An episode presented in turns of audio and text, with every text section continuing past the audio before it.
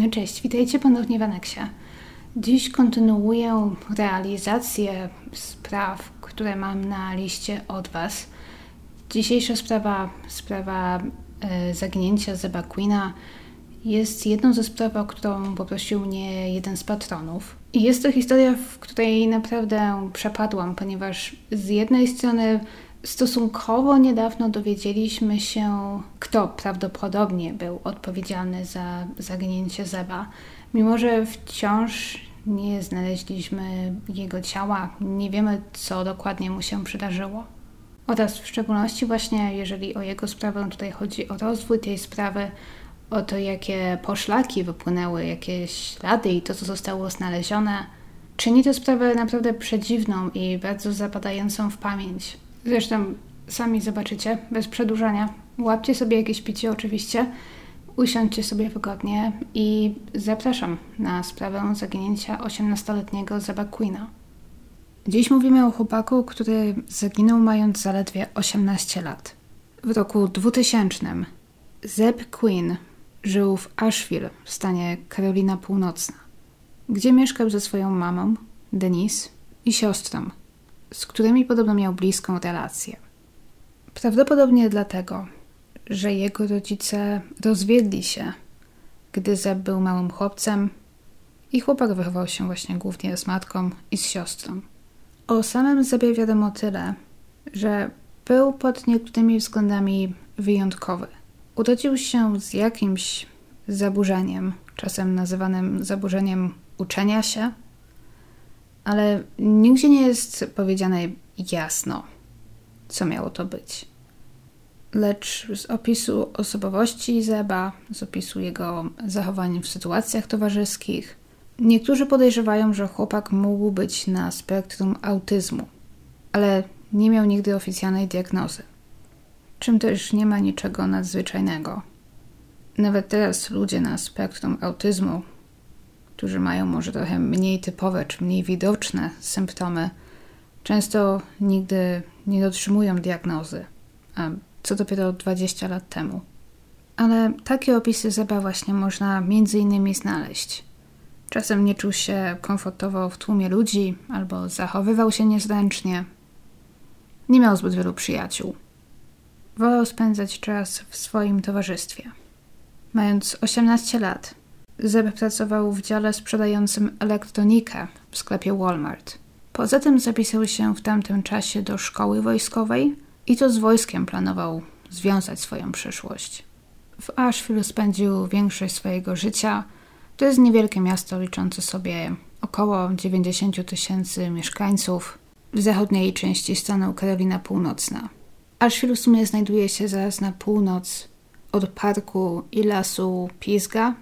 Możliwe, że kojarzycie te rejony z ubiegłorocznego odcinka o zaginięciu Judy Smith. Ale przechodząc do zaginięcia.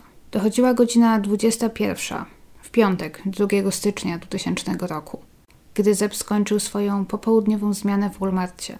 Po pracy spotkał się ze swoim znajomym. Nie miał ich zbyt wielu, ale jednym z nich był właśnie chłopak, mężczyzna, trochę starszy od Zeba. Miał wtedy 21 lat. Chłopak nazwiskiem Robert Jason Owens, który jednak zwykle używał swojego drugiego imienia Jason. Są różne wersje co do tego, jak ci dwaj się poznali, skąd się znali, ale najprawdopodobniej po prostu w przeszłości pracowali razem. Nie wiem, czy w tym konkretnym Walmartie, czy może gdzieś indziej, ale w większości źródeł właśnie Owens nazywany jest współpracownikiem lub byłym współpracownikiem Zeba. Zeb był w tamtym czasie na kupnie nowego samochodu. Chciał zamienić swoją starą Mazdę na Mitsubishi Eclipse.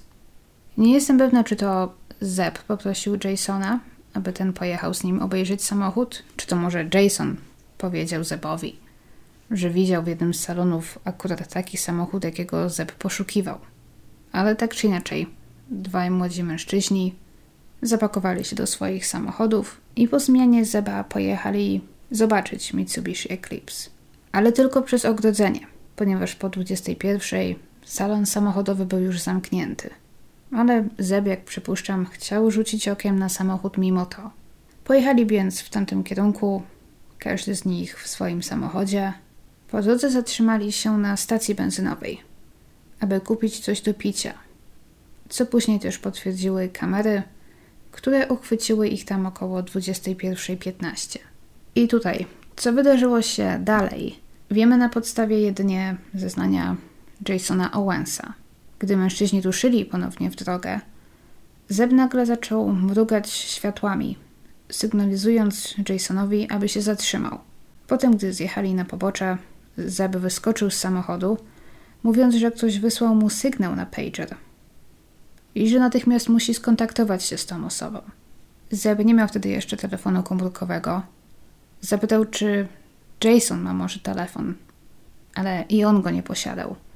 Więc Zeb w końcu zostawił Jasona samego, po czym pojechał do najbliższej budki telefonicznej, która prawdopodobnie znajdowała się na jednej ze stacji benzynowych, ale chyba nie na tej samej, na której znajdowali się wcześniej. Wszystko zajęło mu około 10 minut. Po powrocie Zeb miał wydać się Owensowi mocno czymś przejęty i zdenerwowany. Nadjechał ze zbyt dużą prędkością i nie hamując na czas, uderzył w tył pick-upa Jasona Owensa. Miał powiedzieć, że przeprasza i że rozliczą się za tę stłuczkę później, ale teraz coś się stało i musi jechać. Oświadczył, że będą musieli pojechać zobaczyć ten samochód innym razem. Wsiadł do samochodu i odjechał. Jason Owens, jak twierdzi, nigdy więcej już nie widział Zeba Queena. Później świadkowie przejeżdżający tamtą drogą potwierdzili, że widzieli tamtego wieczoru dwa samochody zaparkowane przy drodze i że wszystko wyglądało właśnie tak, jakby doszło do niewielkiej stłuczki. Niedługo później kontakt z Zebem próbowała nawiązać jego mama, Denise. Tamtego wieczoru wyszła na kolację, gdzieś na miasto z mężczyzną, z którym się wtedy spotykała. I gdy wróciła do domu, jej syna wciąż nie było. Nie jestem pewna, która była godzina, ale musiało być już dobrze po 21, przypuszczam może około 22, ponieważ Denise zaczęła się niepokoić. Późne powroty do domu nie były dla Zeba typowe. Denise przez całą noc wysyłała mu wiadomości, sygnały na pager, ale chłopak nie nawiązał z nią żadnego kontaktu. Czekała całą noc, do rana, aż w końcu zaczęła dzwonić po znajomych, po rodzinie, ale nikt nie miał pojęcia, co stało się z Zebem. W końcu 3 stycznia, około godziny 15, złożyła oficjalne zawiadomienie na policji. Nie jestem pewna, czy Zeb miał zmianę w pracy 3 stycznia. Jeżeli tak, to nie pojawił się. Ale następnego dnia, 4 stycznia, to była niedziela, kierowniczka zmiany w Walmartie, Patty King, otrzymała dziwny telefon. Zadzwonił mężczyzna, który przedstawił się jako Zeb Queen. Powiedział, że jest chory i że nie może przyjść do pracy. Patty od razu stała się podejrzliwa, ponieważ znała Zeba na tyle, aby nabrać podejrzeń. Zeb pracował tam początkowo jedynie na pół etatu, jeszcze w czasie, gdy chodził do szkoły, przez ostatnie dwa lata. Patty miała okazję dobrze go poznać. Głos po drugiej stronie w ogóle nie brzmiał jak głos Zeba. Patty próbowała zadać mu kilka dodatkowych pytań, ale nie otrzymała żadnych konkretnych odpowiedzi, jak się zresztą spodziewała. Po zakończeniu połączenia od razu wykręciła gwiazdkę i 69. Kombinację, która umożliwiała jej zadzwonienie na numer, z którego przyszło ostatnie połączenie. I dodzwoniła się do fabryki produkującej samochody Volvo w Asheville. W fabryce tej, jak się później okaże, pracował nikt inny jak Robert Jason Owens. A wiemy to, ponieważ Patty, wiedząc już, że Zeb jest poszukiwany, zadzwoniła od razu do Denise, do jego mamy, a ta przekazała informację policji. Gdy policjanci przyjechali do Jasona Owensa, aby zapytać go o ten dziwny incydent, to Owens podobno od razu przyznał się do wykonania telefonu. I jak wyjaśnił, zrobił to na prośbę Zeba, który miał zadzwonić do niego jakiś czas wcześniej, wyjaśnić, że nie może wykonać telefonu do pracy osobiście i poprosić Owensa, aby zrobił to za niego. Najdziwniejsza rzecz miała miejsce dwa tygodnie po zaginięciu Zeba, bo wtedy, 16 stycznia, jego mama była w pracy. Pracowała w szpitalu w Asheville i nagle usłyszała od współpracowniczki, wtedy oczywiście już wszyscy w jej otoczeniu wiedzieli o zaginięciu jej syna. Wszyscy byli gotowi pomagać w poszukiwaniach i wszyscy mieli oczy szeroko otwarte. I ta współpracowniczka miała zauważyć samochód Seba zaparkowany na parkingu restauracji, praktycznie naprzeciwko ich szpitala. I rzeczywiście, Mazda Zeba została tam znaleziona. Porzucona na parkingu restauracji Little Pigs Barbecue przy ulicy McDowell. Pewne jest, że samochód nie siedział na tamtym parkingu przez ostatnie 14 dni, ponieważ ktoś, przynajmniej Denis, zauważyłaby ten samochód znacznie wcześniej. Poza tym, gdy samochód został znaleziony, miał wciąż włączone światła, więc Mazda musiała zostać tam porzucona na krótko przed odnalezieniem jej, może nawet zaledwie na kilka godzin. I sytuacje, w których ktoś ginie i zostanie po nim znaleziony jedynie porzucony samochód, są dosyć częste. Mieliśmy na tym kanale już dużo takich historii. Ale to, co znaleziono w tym wypadku, jest chyba najdziwniejsze ze wszystkich znanych mi spraw. Samochód został porzucony z uchylonymi szybami i włączonymi światłami. Z tyłu, na tylnej szybie, ktoś narysował szminką coś, co wyglądało na duże usta oraz dwa wykrzykniki, jeden po każdej stronie ust. Po sobie nie było śladu, ale w środku znaleziono inną żywą istotę, bo psa, trzymiesięcznego labradora. I sęk w tym, że ani Zeb, ani jego rodzina, ani nikt z jego znajomych, również nie Jason Owens, który widział go jako ostatniego, nikt z tych ludzi nie posiadał takiego psa.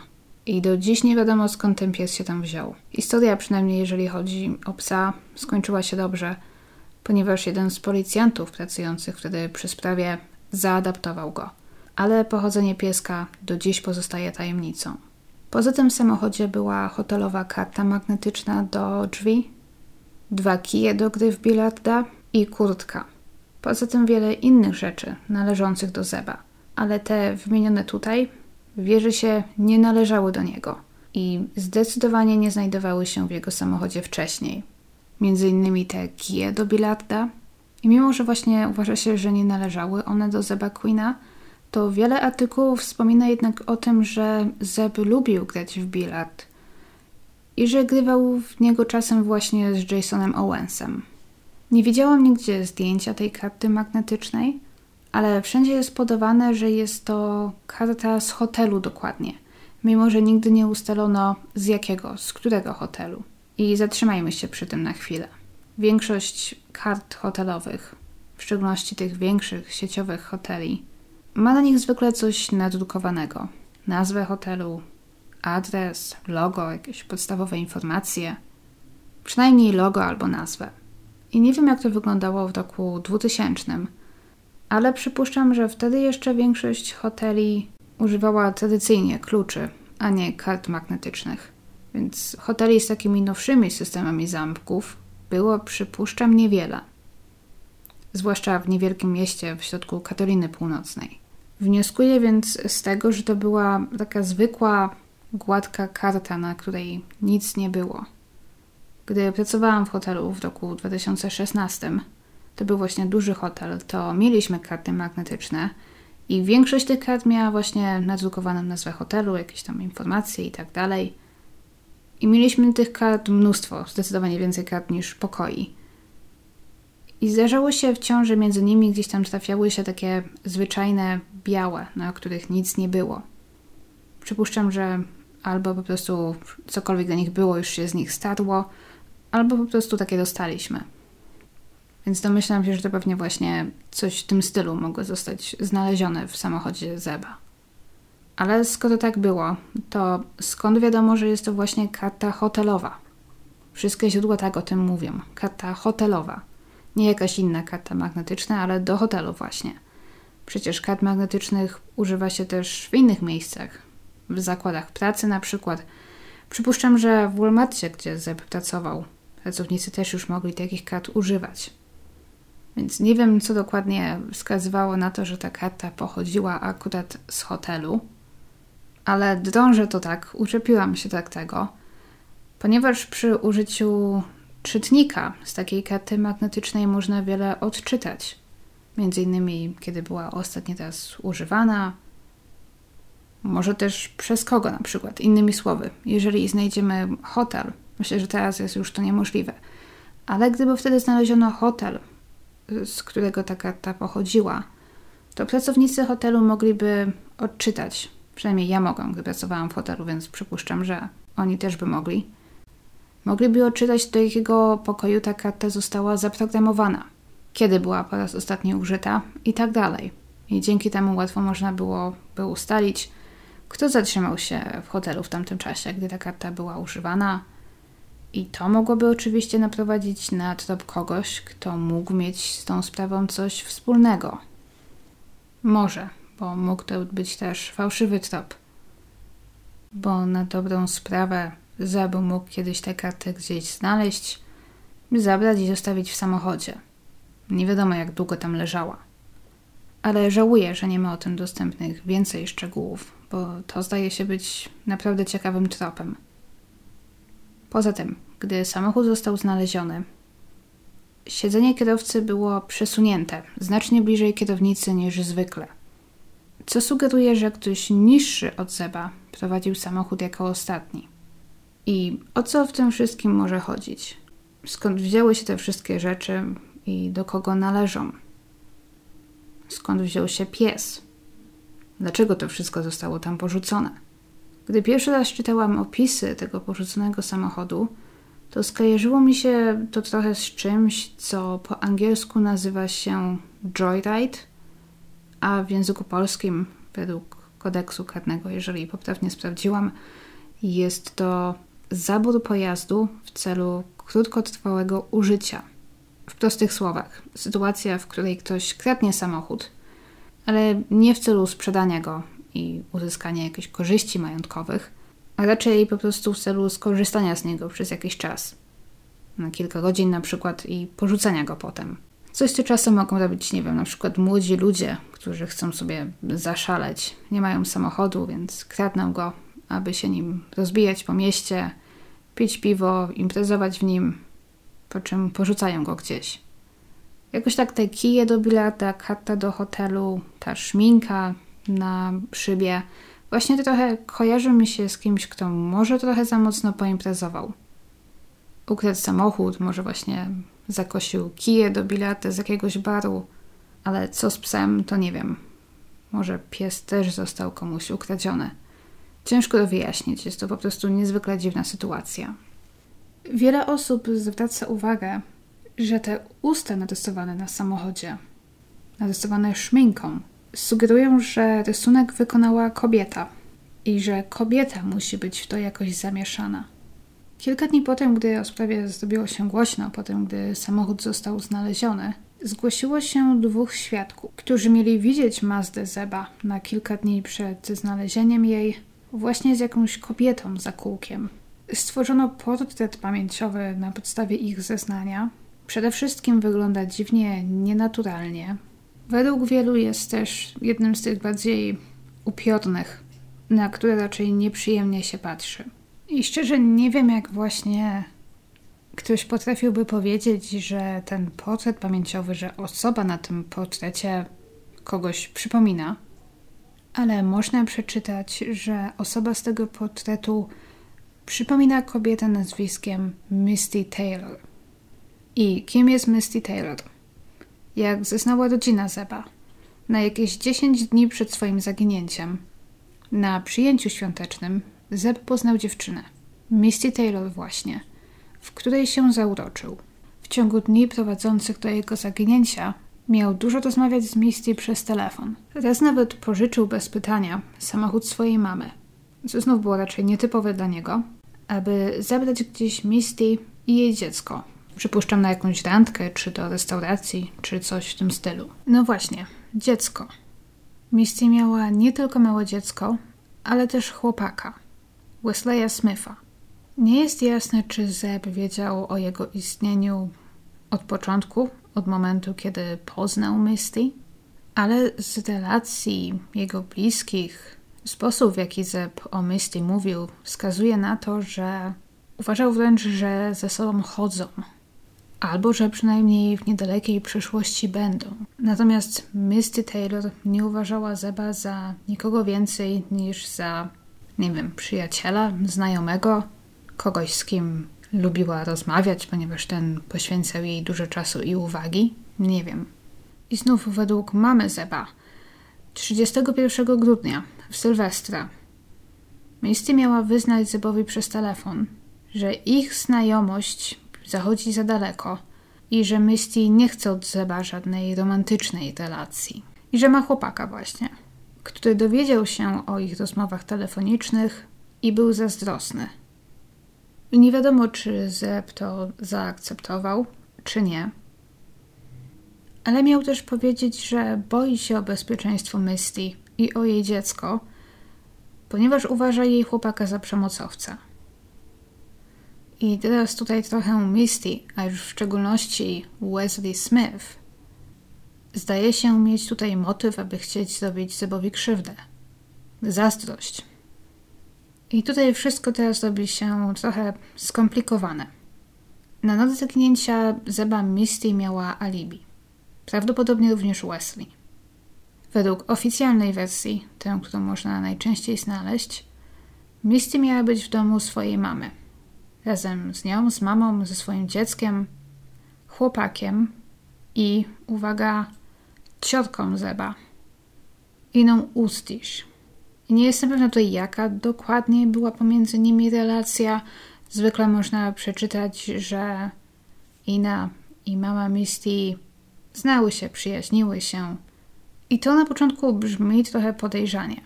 Miałam wpierw takie przypuszczenia, że to może właśnie przez swoją ciotkę, przez Inę, Zeb po prostu poznał Misty, ponieważ nie znamy szczegółów tej imprezy świątecznej, tych okoliczności, gdzie on miał ją poznać.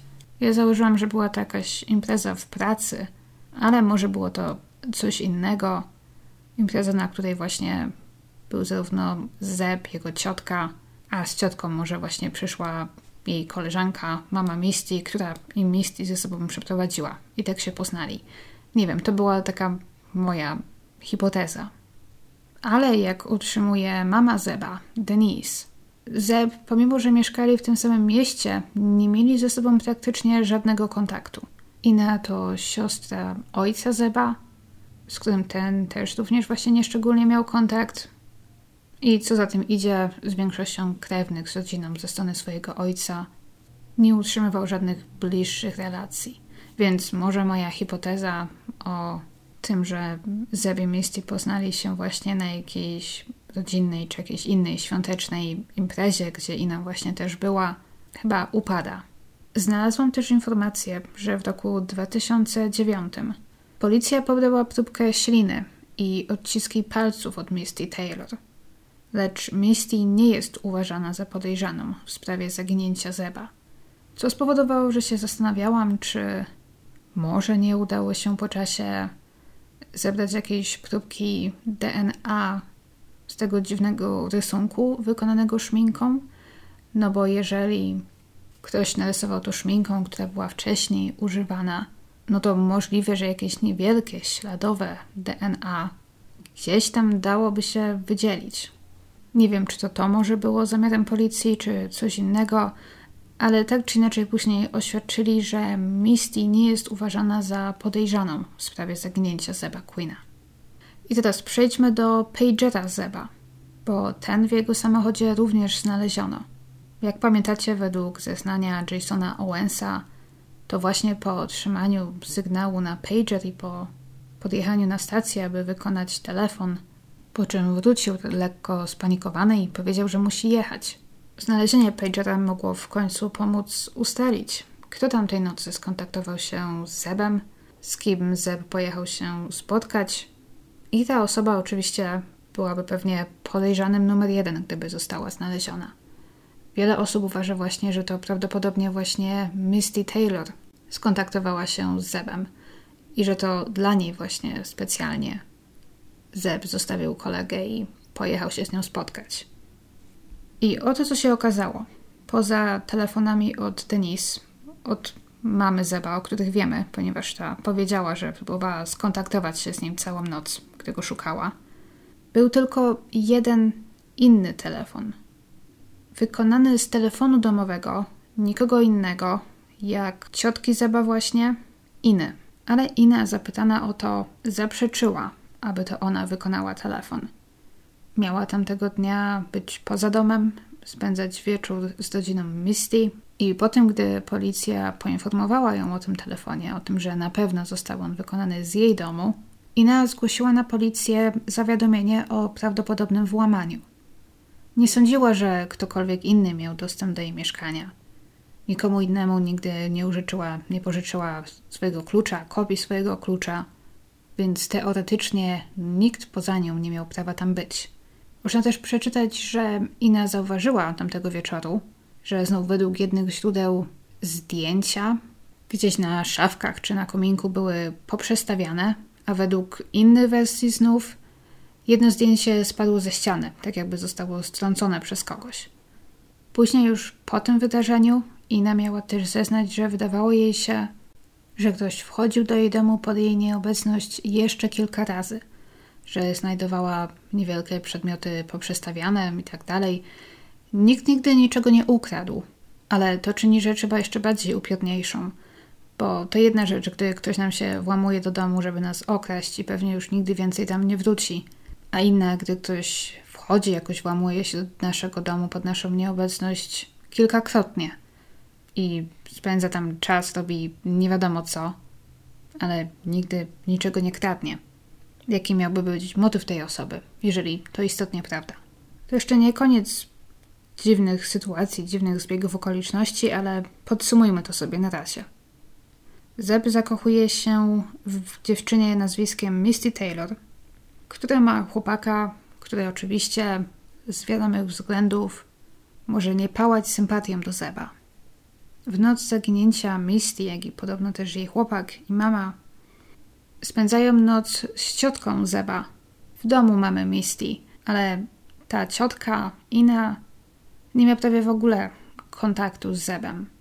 Na tym etapie nie jestem nawet pewna, czy Misty zdawała sobie sprawę, że Ina Ustris jest ciotką chłopaka, z którym rozmawia często przez telefon, którego dopiero co poznała, czy może nie. Pewnie wyglądało to by inaczej, gdybyśmy mówili, nie wiem, o miasteczku, które ma 500 mieszkańców.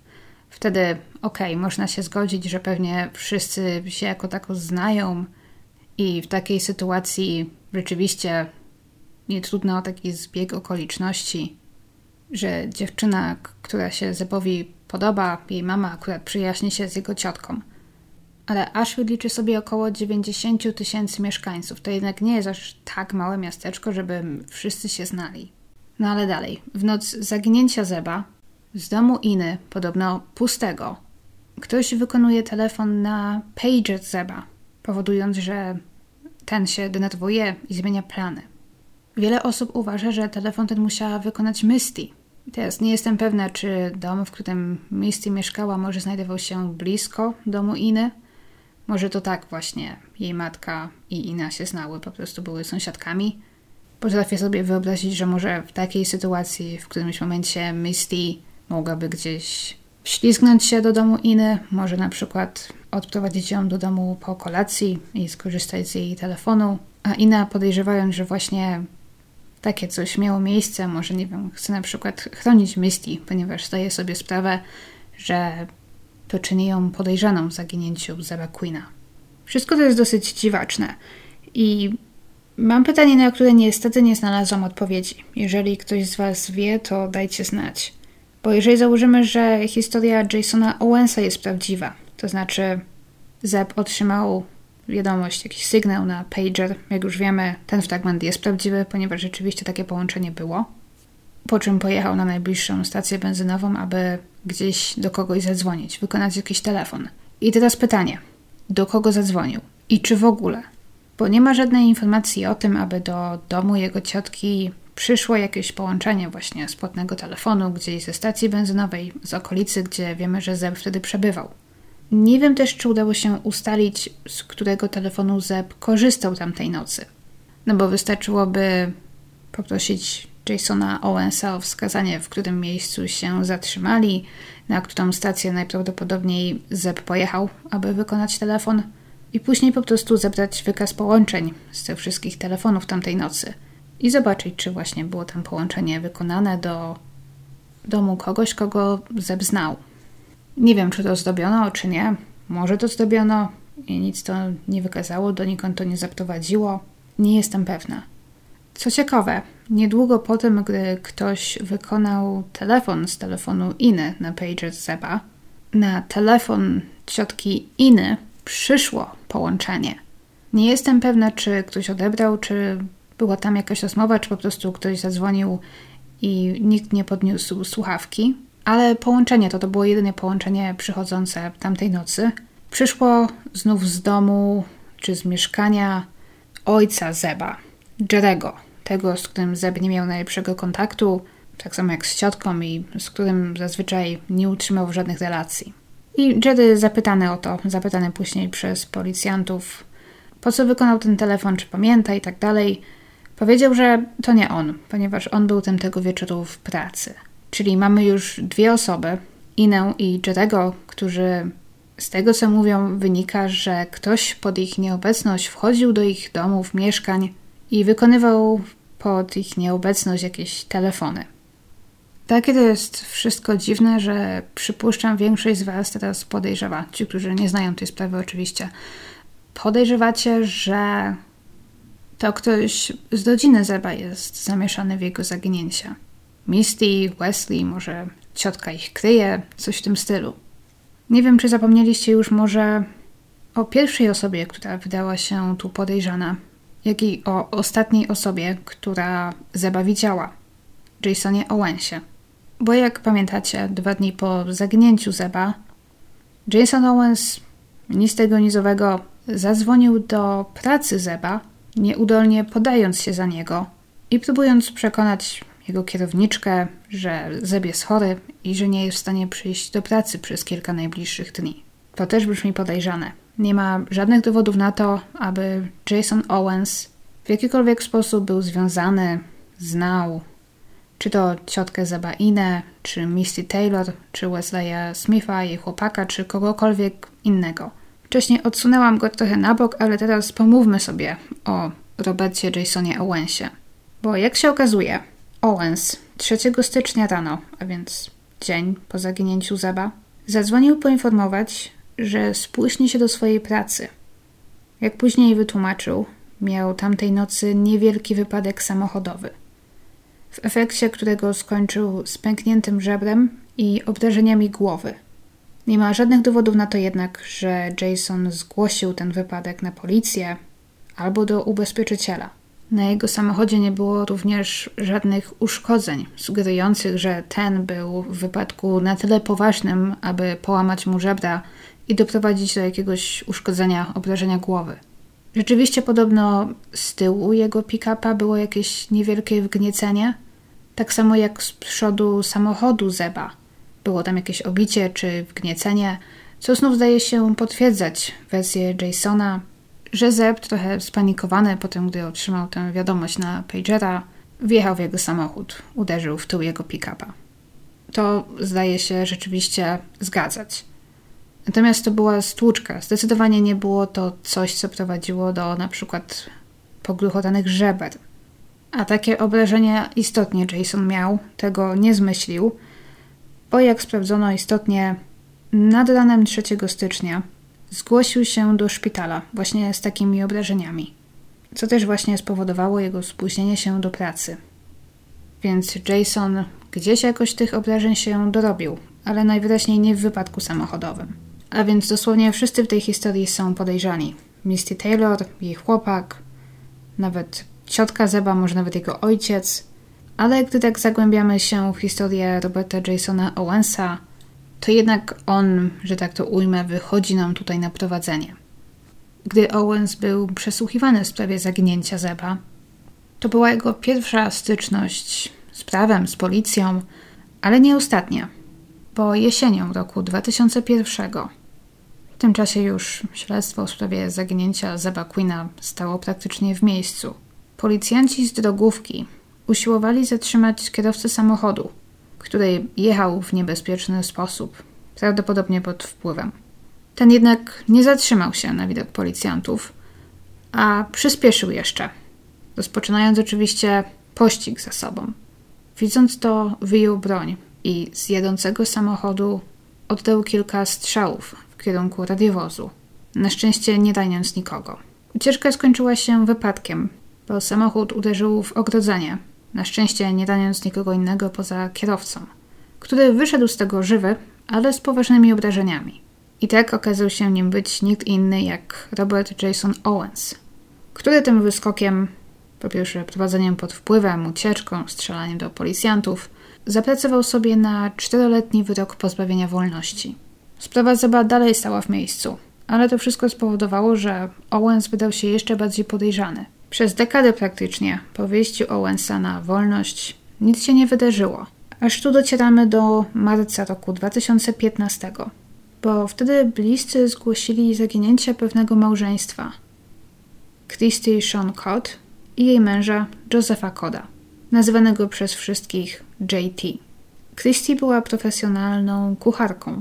Roku 2012 wzięła udział w ósmym sezonie programu Food Network Stars, który był chyba czymś w rodzaju takiego Masterchefa. Nie ma też takiego znaczenia dla tej historii.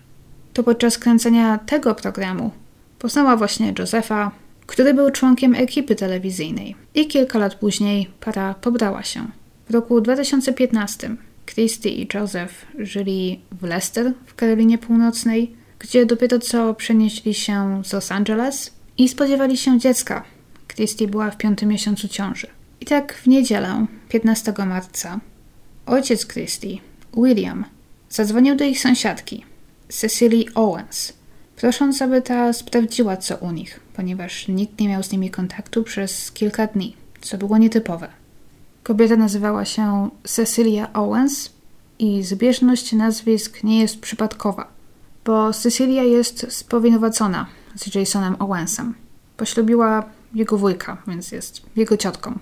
Ale tak, Cecilia poszła do ich domu, miała podobno zapasowy klucz i gdy weszła do środka, zdała sobie sprawę, że musiało stać się coś złego.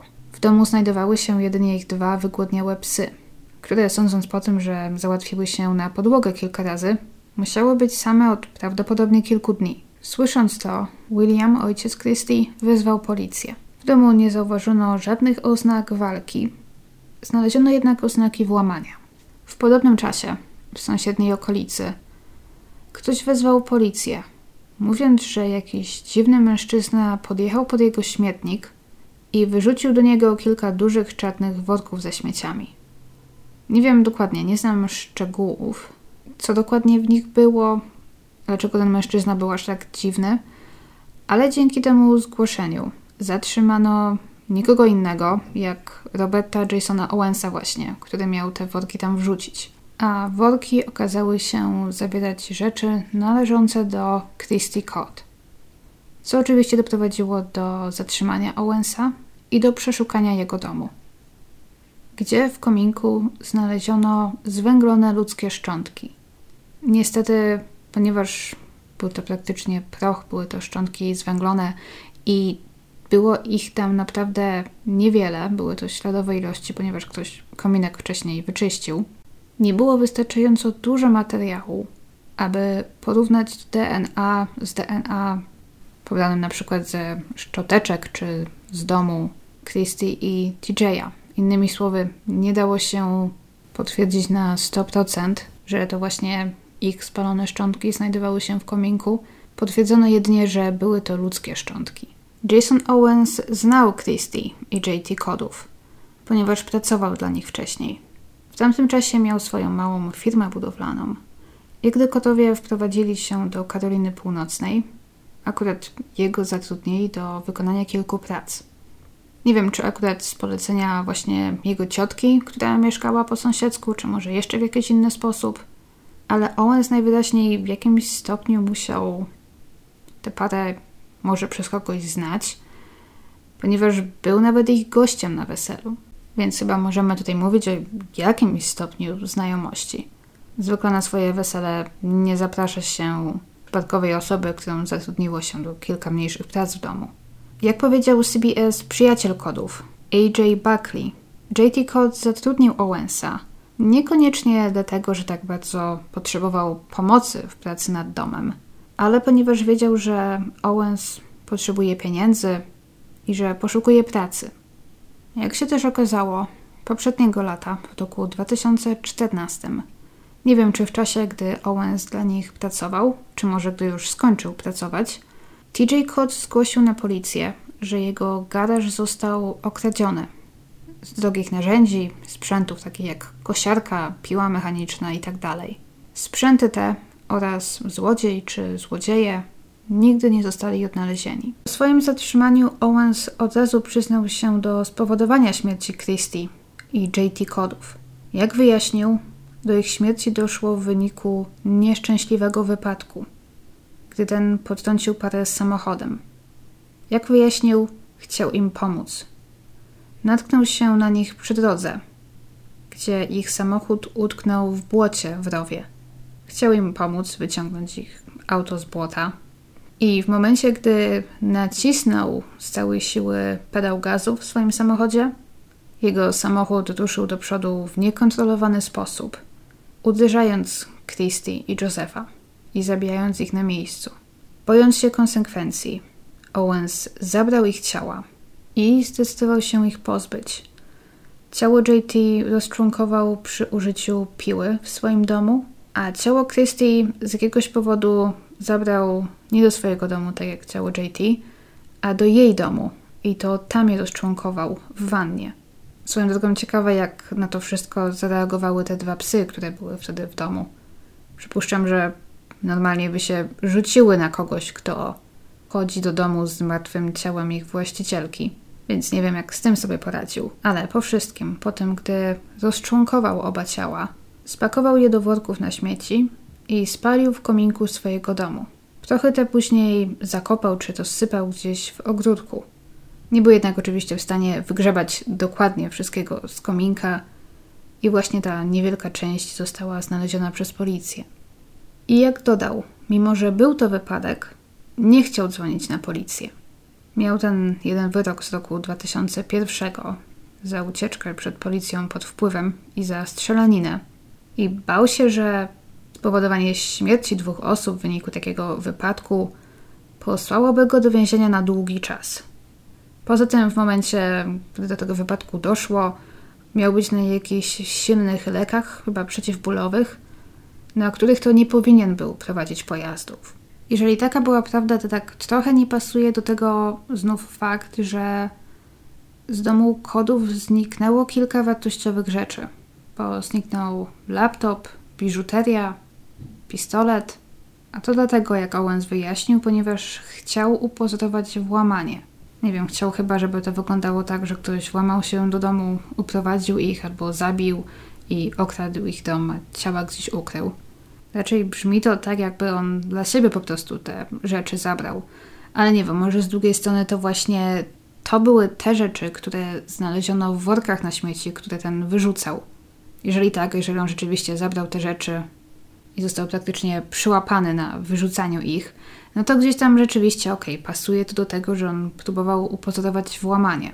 Gdy próbowano sprawdzić tę wersję z tym, że on uderzył parę swoim samochodem, to na jego samochodzie nie zauważono żadnych wgnieceń, uszkodzeń, śladów po tym, że ktoś został uderzony. Ale na podwosiu samochodu znaleziono trochę krwi i tkanek TJ'a Koda. Więc rzeczywiście najwyraźniej do jakiegoś incydentu z uderzeniem przynajmniej TJ'a samochodem rzeczywiście doszło. Więc znów jest w tym jakieś ziarnko prawdy. Nie jestem pewna, czy znaleziono telefon Christie, czy znaleziono go w posiadaniu Jasona, czy może ten próbował też go wyrzucić, ponieważ tutaj pojawia się kolejna ciekawa rzecz.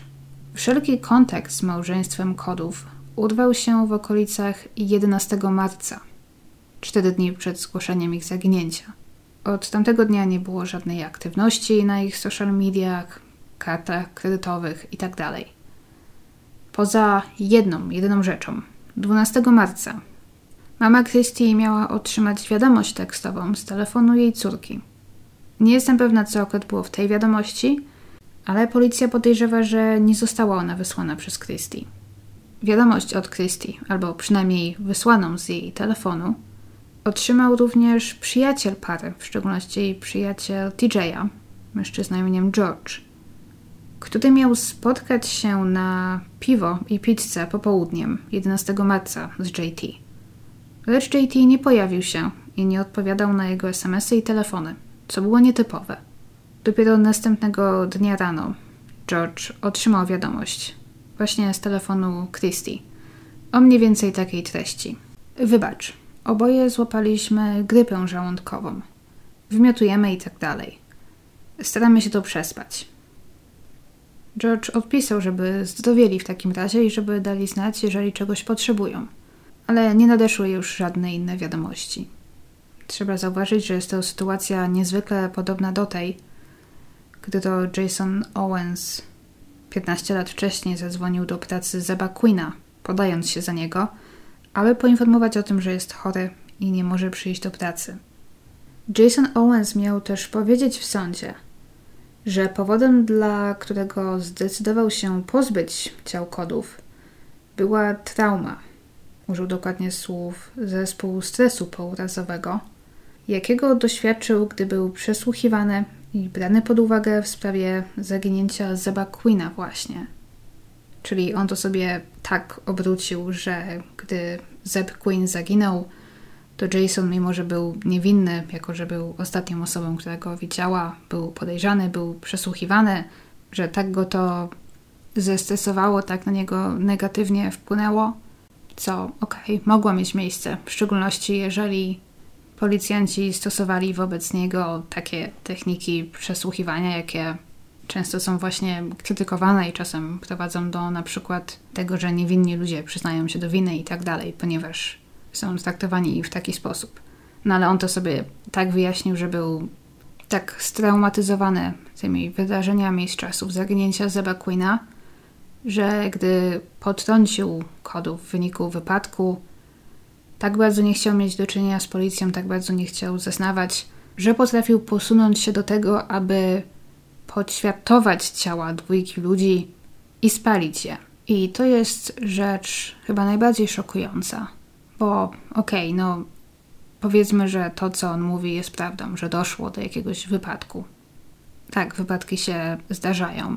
Ludzie czasem w szoku robią dziwne rzeczy albo bojąc się konsekwencji, potrafią się posunąć do przerażających czynów.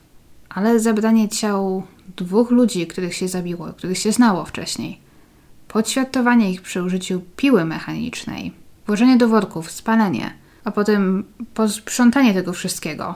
Podkreślmy jeszcze to, że ciało TJ'a ten podświatował w swoim własnym domu, przypuszczam w wannie, którą potem umył i pewnie się w niej jeszcze normalnie kąpał.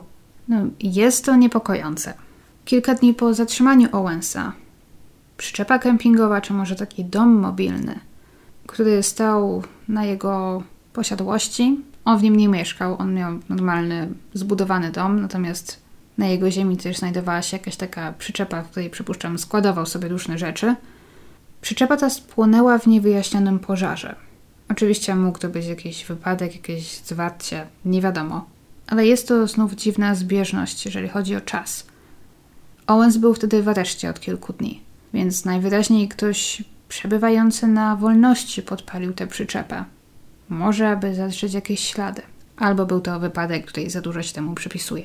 W kwietniu roku 2017 Robert Jason Owens przyznał się do morderstwa drugiego stopnia, czyli w wyniku wypadku, nie z premedytacją, i rozczłonkowania ciał Josefa i Christy Kodów oraz do w efekcie zabicia też ich nienarodzonego dziecka.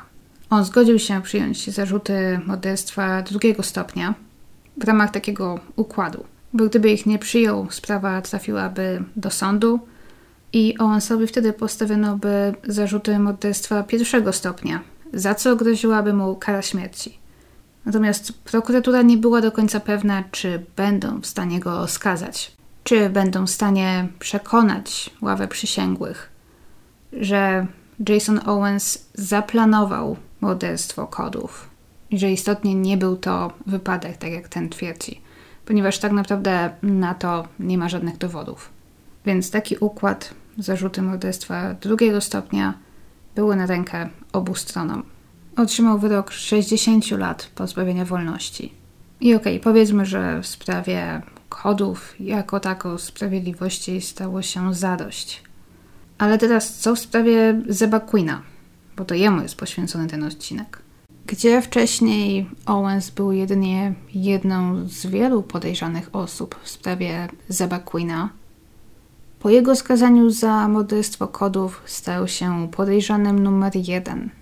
Dlatego też trzy miesiące po jego skazaniu w sprawie kodów Owensowi postawiono również zarzuty właśnie w sprawie zamordowania Zeba Queena i ukrycia jego ciała.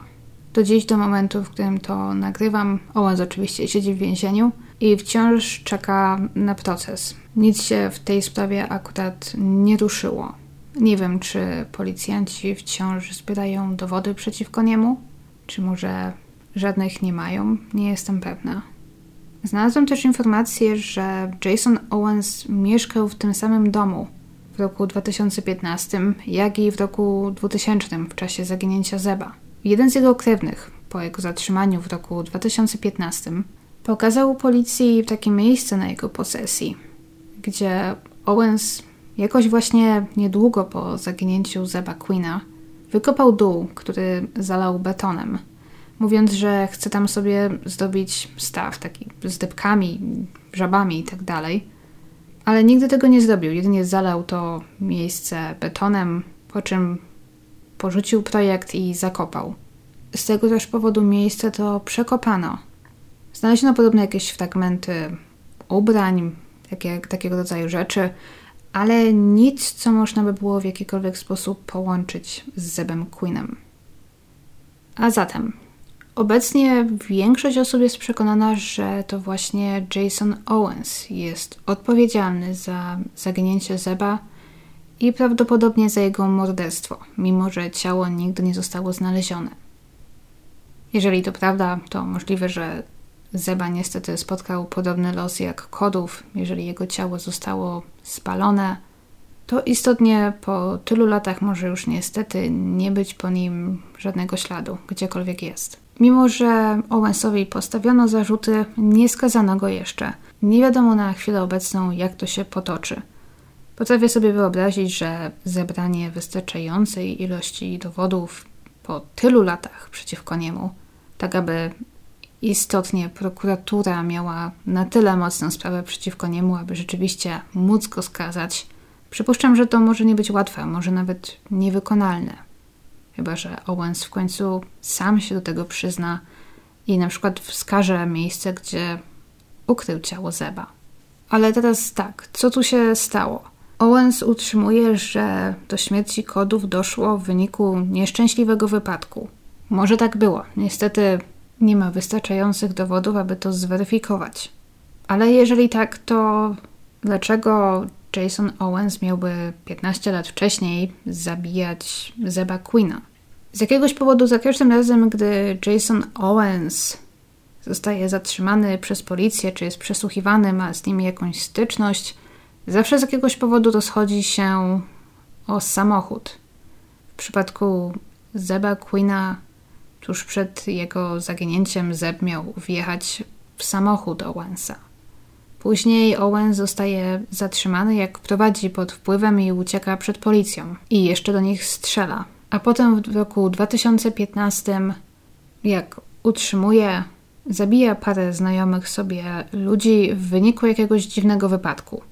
Czy do śmierci Zeba Queena również doszło w wyniku jakiegoś wypadku? Nie wiem, czy Jason Owens jest najgorszym albo najbardziej pechowym kierowcą świata, że ciągle ma jakieś wypadki, no bo jak pamiętacie, Dzień po zaginięciu Queena zgłosił się do szpitala z obrażeniami, twierdząc, że był w jakimś wypadku.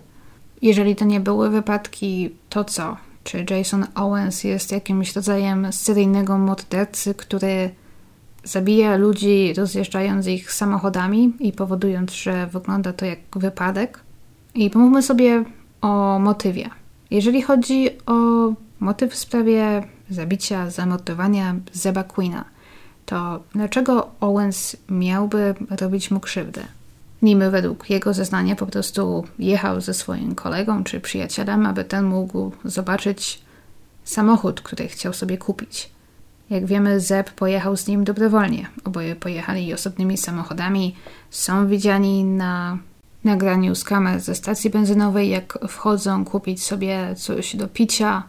Zeb zdecydowanie, nie wiem, nie jest przez niego przetrzymywany, zastraszany. Swobodnie chodzi po sklepie, wychodzi z niego zresztą osobno, no bo każdy z nich idzie do innego samochodu, więc Zeb nie jest w żadnym stopniu zagrożony, zmuszony, aby tam być.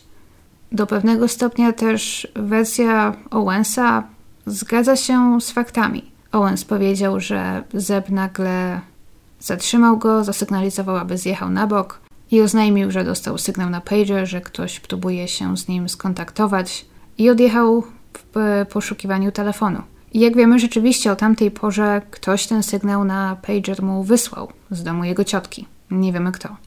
Byli też świadkowie, którzy widzieli ich samochody zaparkowane na poboczu, więc do tego stopnia rzeczywiście historia Owensa się zgadza. On do pewnego stopnia najwyraźniej mówi prawdę. Ale co stało się potem? Czy Zeb istotnie odjechał, tak jak Owens mówi, i ten nigdy więcej go nie widział? I o co chodzi z tą stłuczką? Owens powiedział, że Zeb, będąc zdenerwowanym, wjechał w jego samochód, obijając go delikatnie. I rzeczywiście na obu ich samochodach były uszkodzenia, które znów tę część potwierdzają, ale nie potwierdzają skąd wzięły się obrażenia Owensa, to pęknięte żebro i obrażenia głowy, bo na pewno nie w wyniku tej jednej konkretnej stłuczki. Przyszło mi do głowy, że oni mogli się o coś pokłócić, że doszło pomiędzy nimi do jakiejś sprzeczki. Załóżmy, że właśnie Zeb wjechał w samochód Owensa, ale to nie potoczyło się tak, jak Owens dalej powiedział, że Zeb oświadczył, że stało się coś ważnego i że musi jechać, ale że Owens się wkurzył na niego na przykład o to, że, nie wiem, zaczęli się kłócić, że Owens może pobił go, zrobił mu krzywdę. Mimo wszystko brzmi to dziwnie, aby zabić kogoś z tego powodu, że uderzył lekko nasz samochód. No ale jakby nie patrzeć, to z mniej błahych powodów wcześniej zabijano. Nie wiem jak wy, ale ja nie wiem, co mam o tym wszystkim myśleć. Z jednej strony, patrząc na to, co wydarzyło się w roku 2015 z małżeństwem kodów, Jason Owens wydaje się być najbardziej prawdopodobnym sprawcą, osobą, która jest odpowiedzialna za zaginięcie Zeba Queena, mimo że ciężko się doszukać jakiegoś dobrego motywu. Ale znów przyszło mi do głowy, a co jeżeli Jason Owens jednak mówi prawdę? Co jeżeli naprawdę wszystko przebiegło tak, jak on to opisał i Zeb Queen cały i zdrowy zostawił go na poboczu drogi i gdzieś odjechał? A sytuacja z małżeństwem kodów jest z tym zupełnie niezwiązana – i rzeczywiście doszło do niej w wyniku wypadku i Jason Owens jest po prostu, nie wiem, no, jednym z najbardziej pechowych ludzi na świecie. I co z tymi całymi poszlakami? Kto wysłał wiadomość, sygnał na jego pager tamtej nocy? Dlaczego z domu jego ciotki, z którą ten nie miał podobno kontaktu? Jak to się stało, że oni nagle wszyscy tam byli jakoś ze sobą związani, wszyscy się znali? Ciotka znała mamę Misty, akurat razem jedli kolację w momencie, gdy Zeb zaginął. W tym samym czasie z domu ciotki ktoś próbował skontaktować się z Zebem. Jakoś strasznie dużo jest tam dziwnych zbiegów okoliczności. No, chyba, że nie znamy wszystkich szczegółów, albo niektóre informacje nie są do końca poprawne. No bo co by nie było, nie wiemy za wiele na temat rodziny Zeba, jego szczegółowego życia prywatnego, no bo może jeżeli poznalibyśmy jego życie powiedzmy bardziej od podszewki, to może rzeczywiście okazałoby się, że na niektóre z tych rzeczy jest jakieś dobre wyjaśnienie, natomiast my po prostu nie widzimy całego obrazu sytuacji. No ale okej, okay. przechodząc jeszcze do jego porzuconego samochodu. Samochód Zeba zniknął razem z nim na dwa tygodnie, po czym został znaleziony na parkingu restauracji. I teraz, gdzie ten samochód był? Ktoś gdzieś musiał go mieć. Osobiście nie przywiązuję zbyt dużej wagi do zeznania tych świadków, którzy uważali, że widzieli go kilka dni wcześniej i że prowadziła go kobieta. ponieważ samochód Zeba nie był w żaden sposób wyróżniający się. Ciężko sobie wyobrazić, że jacyś przypadkowi ludzie potrafiliby po kilku tygodniach jeszcze powiedzieć z taką całkowitą pewnością, że to na pewno ten samochód widzieli, chyba że nie wiem, chodzili, spisywali tablice rejestracyjne wszystkich samochodów, jakie widzieli z jakiegoś powodu. Tym bardziej ciężko sobie wyobrazić, że naprawdę potrafiliby tak dobrze opisać kobietę, która miała ten samochód prowadzić. No ale tak, ten samochód gdzieś był i został tam porzucony na kilka godzin przed jego znalezieniem. I znów pytanie, czy ktoś, kto ten samochód porzucił, wiedział, że mama Zeba pracuje w szpitalu tuż obok? Czy właśnie o to chodziło, żeby ktoś zaraz ten samochód znalazł? I co z przedmiotami w środku? Przede wszystkim skąd wziął się ten pies? Jeżeli komuś został gdzieś ukradziony, to nikt nigdy tego nie zgłosił. Nie wiadomo też o nikim ze znajomych, z jakiegoś bliższego, dalszego otoczenia Zeba, kto na przykład kupiłby sobie psa, no bo to był mały piesek szczeniak, który miał zaledwie kilka miesięcy. No nie było nikogo, kto kupiłby sobie psa i nagle ten pies by zniknął, rozpłynął się w powietrzu w ogóle bez wyjaśnienia. Ciekawe jest też swoją drogą właśnie to, że w samochodzie znaleziono również kije do bilarda i że wiemy, że Zeb lubił w bilarda grywać i że właśnie takim jego kumplem do bilarda był akurat Jason Owens. I okej, okay, co miały znów oznaczać te usta narysowane na szybie? Czy to miała być jakaś wskazówka, jakiś znak, wiadomość, którą może tylko wybrani mieli zrozumieć? Jest też jeszcze jedna opcja, taka, że ktoś na przykład zrobił Zebowi krzywdę i gdzieś porzucił jego samochód, po czym ten samochód został znaleziony przez kogoś innego. Kto go sobie właśnie przywłaszczył, włamał się do niego, może nim jeździł przez jakiś czas, zanim, nie wiem, skończyła się w nim benzyna na przykład. I te rzeczy porzucone w tym samochodzie nie są bezpośrednio związane z zaginięciem Zeba. Nie wiem, mam wrażenie, że tutaj wszystko jest możliwe. Osobiście zgadzam się z tym, że Jason Owens wydaje się być najbardziej prawdopodobnym podejrzanym. Najbardziej prawdopodobne jest, że to właśnie on zrobił krzywdę Zebowi Queenowi. Natomiast w tej sprawie jest tak dużo dziwnych poszlak, szczegółów, tropów i podejrzanych osób, dopóki Owens nie opowie, co się stało, nie wskaże, nie wiem, gdzie jest ciało Zeba i tak dalej. Chyba osobiście nie będę mogła powiedzieć, że jestem tak w 100% pewna, że to on jest winny. Nie wiem, czekamy, zobaczymy, czy dojdzie do jego procesu, czy coś się dalej stanie. Bo teraz sprawa Zeba jest w takim dziwnym zawieszeniu. Niby ktoś został oskarżony, niby podano nazwisko tego człowieka, który rzeczywiście wydaje się być podejrzany, wydaje się być zdolny do tego, aby kogoś zabić, ale znów chciałoby się potwierdzenia, chciałoby się jakiegoś zamknięcia. Tego, aby na przykład szczątki Zeba zostały znalezione, aby zostało wyjaśnione, co się z nim stało. Jeżeli Owens go zabił, to co było motywem? Jestem ciekawa, co myślicie, jakie macie hipotezy. I pora chyba zmierzać do końca. Dziękuję Wam za słuchanie, dziękuję za oglądanie i słyszymy się za tydzień. Trzymajcie się, pa!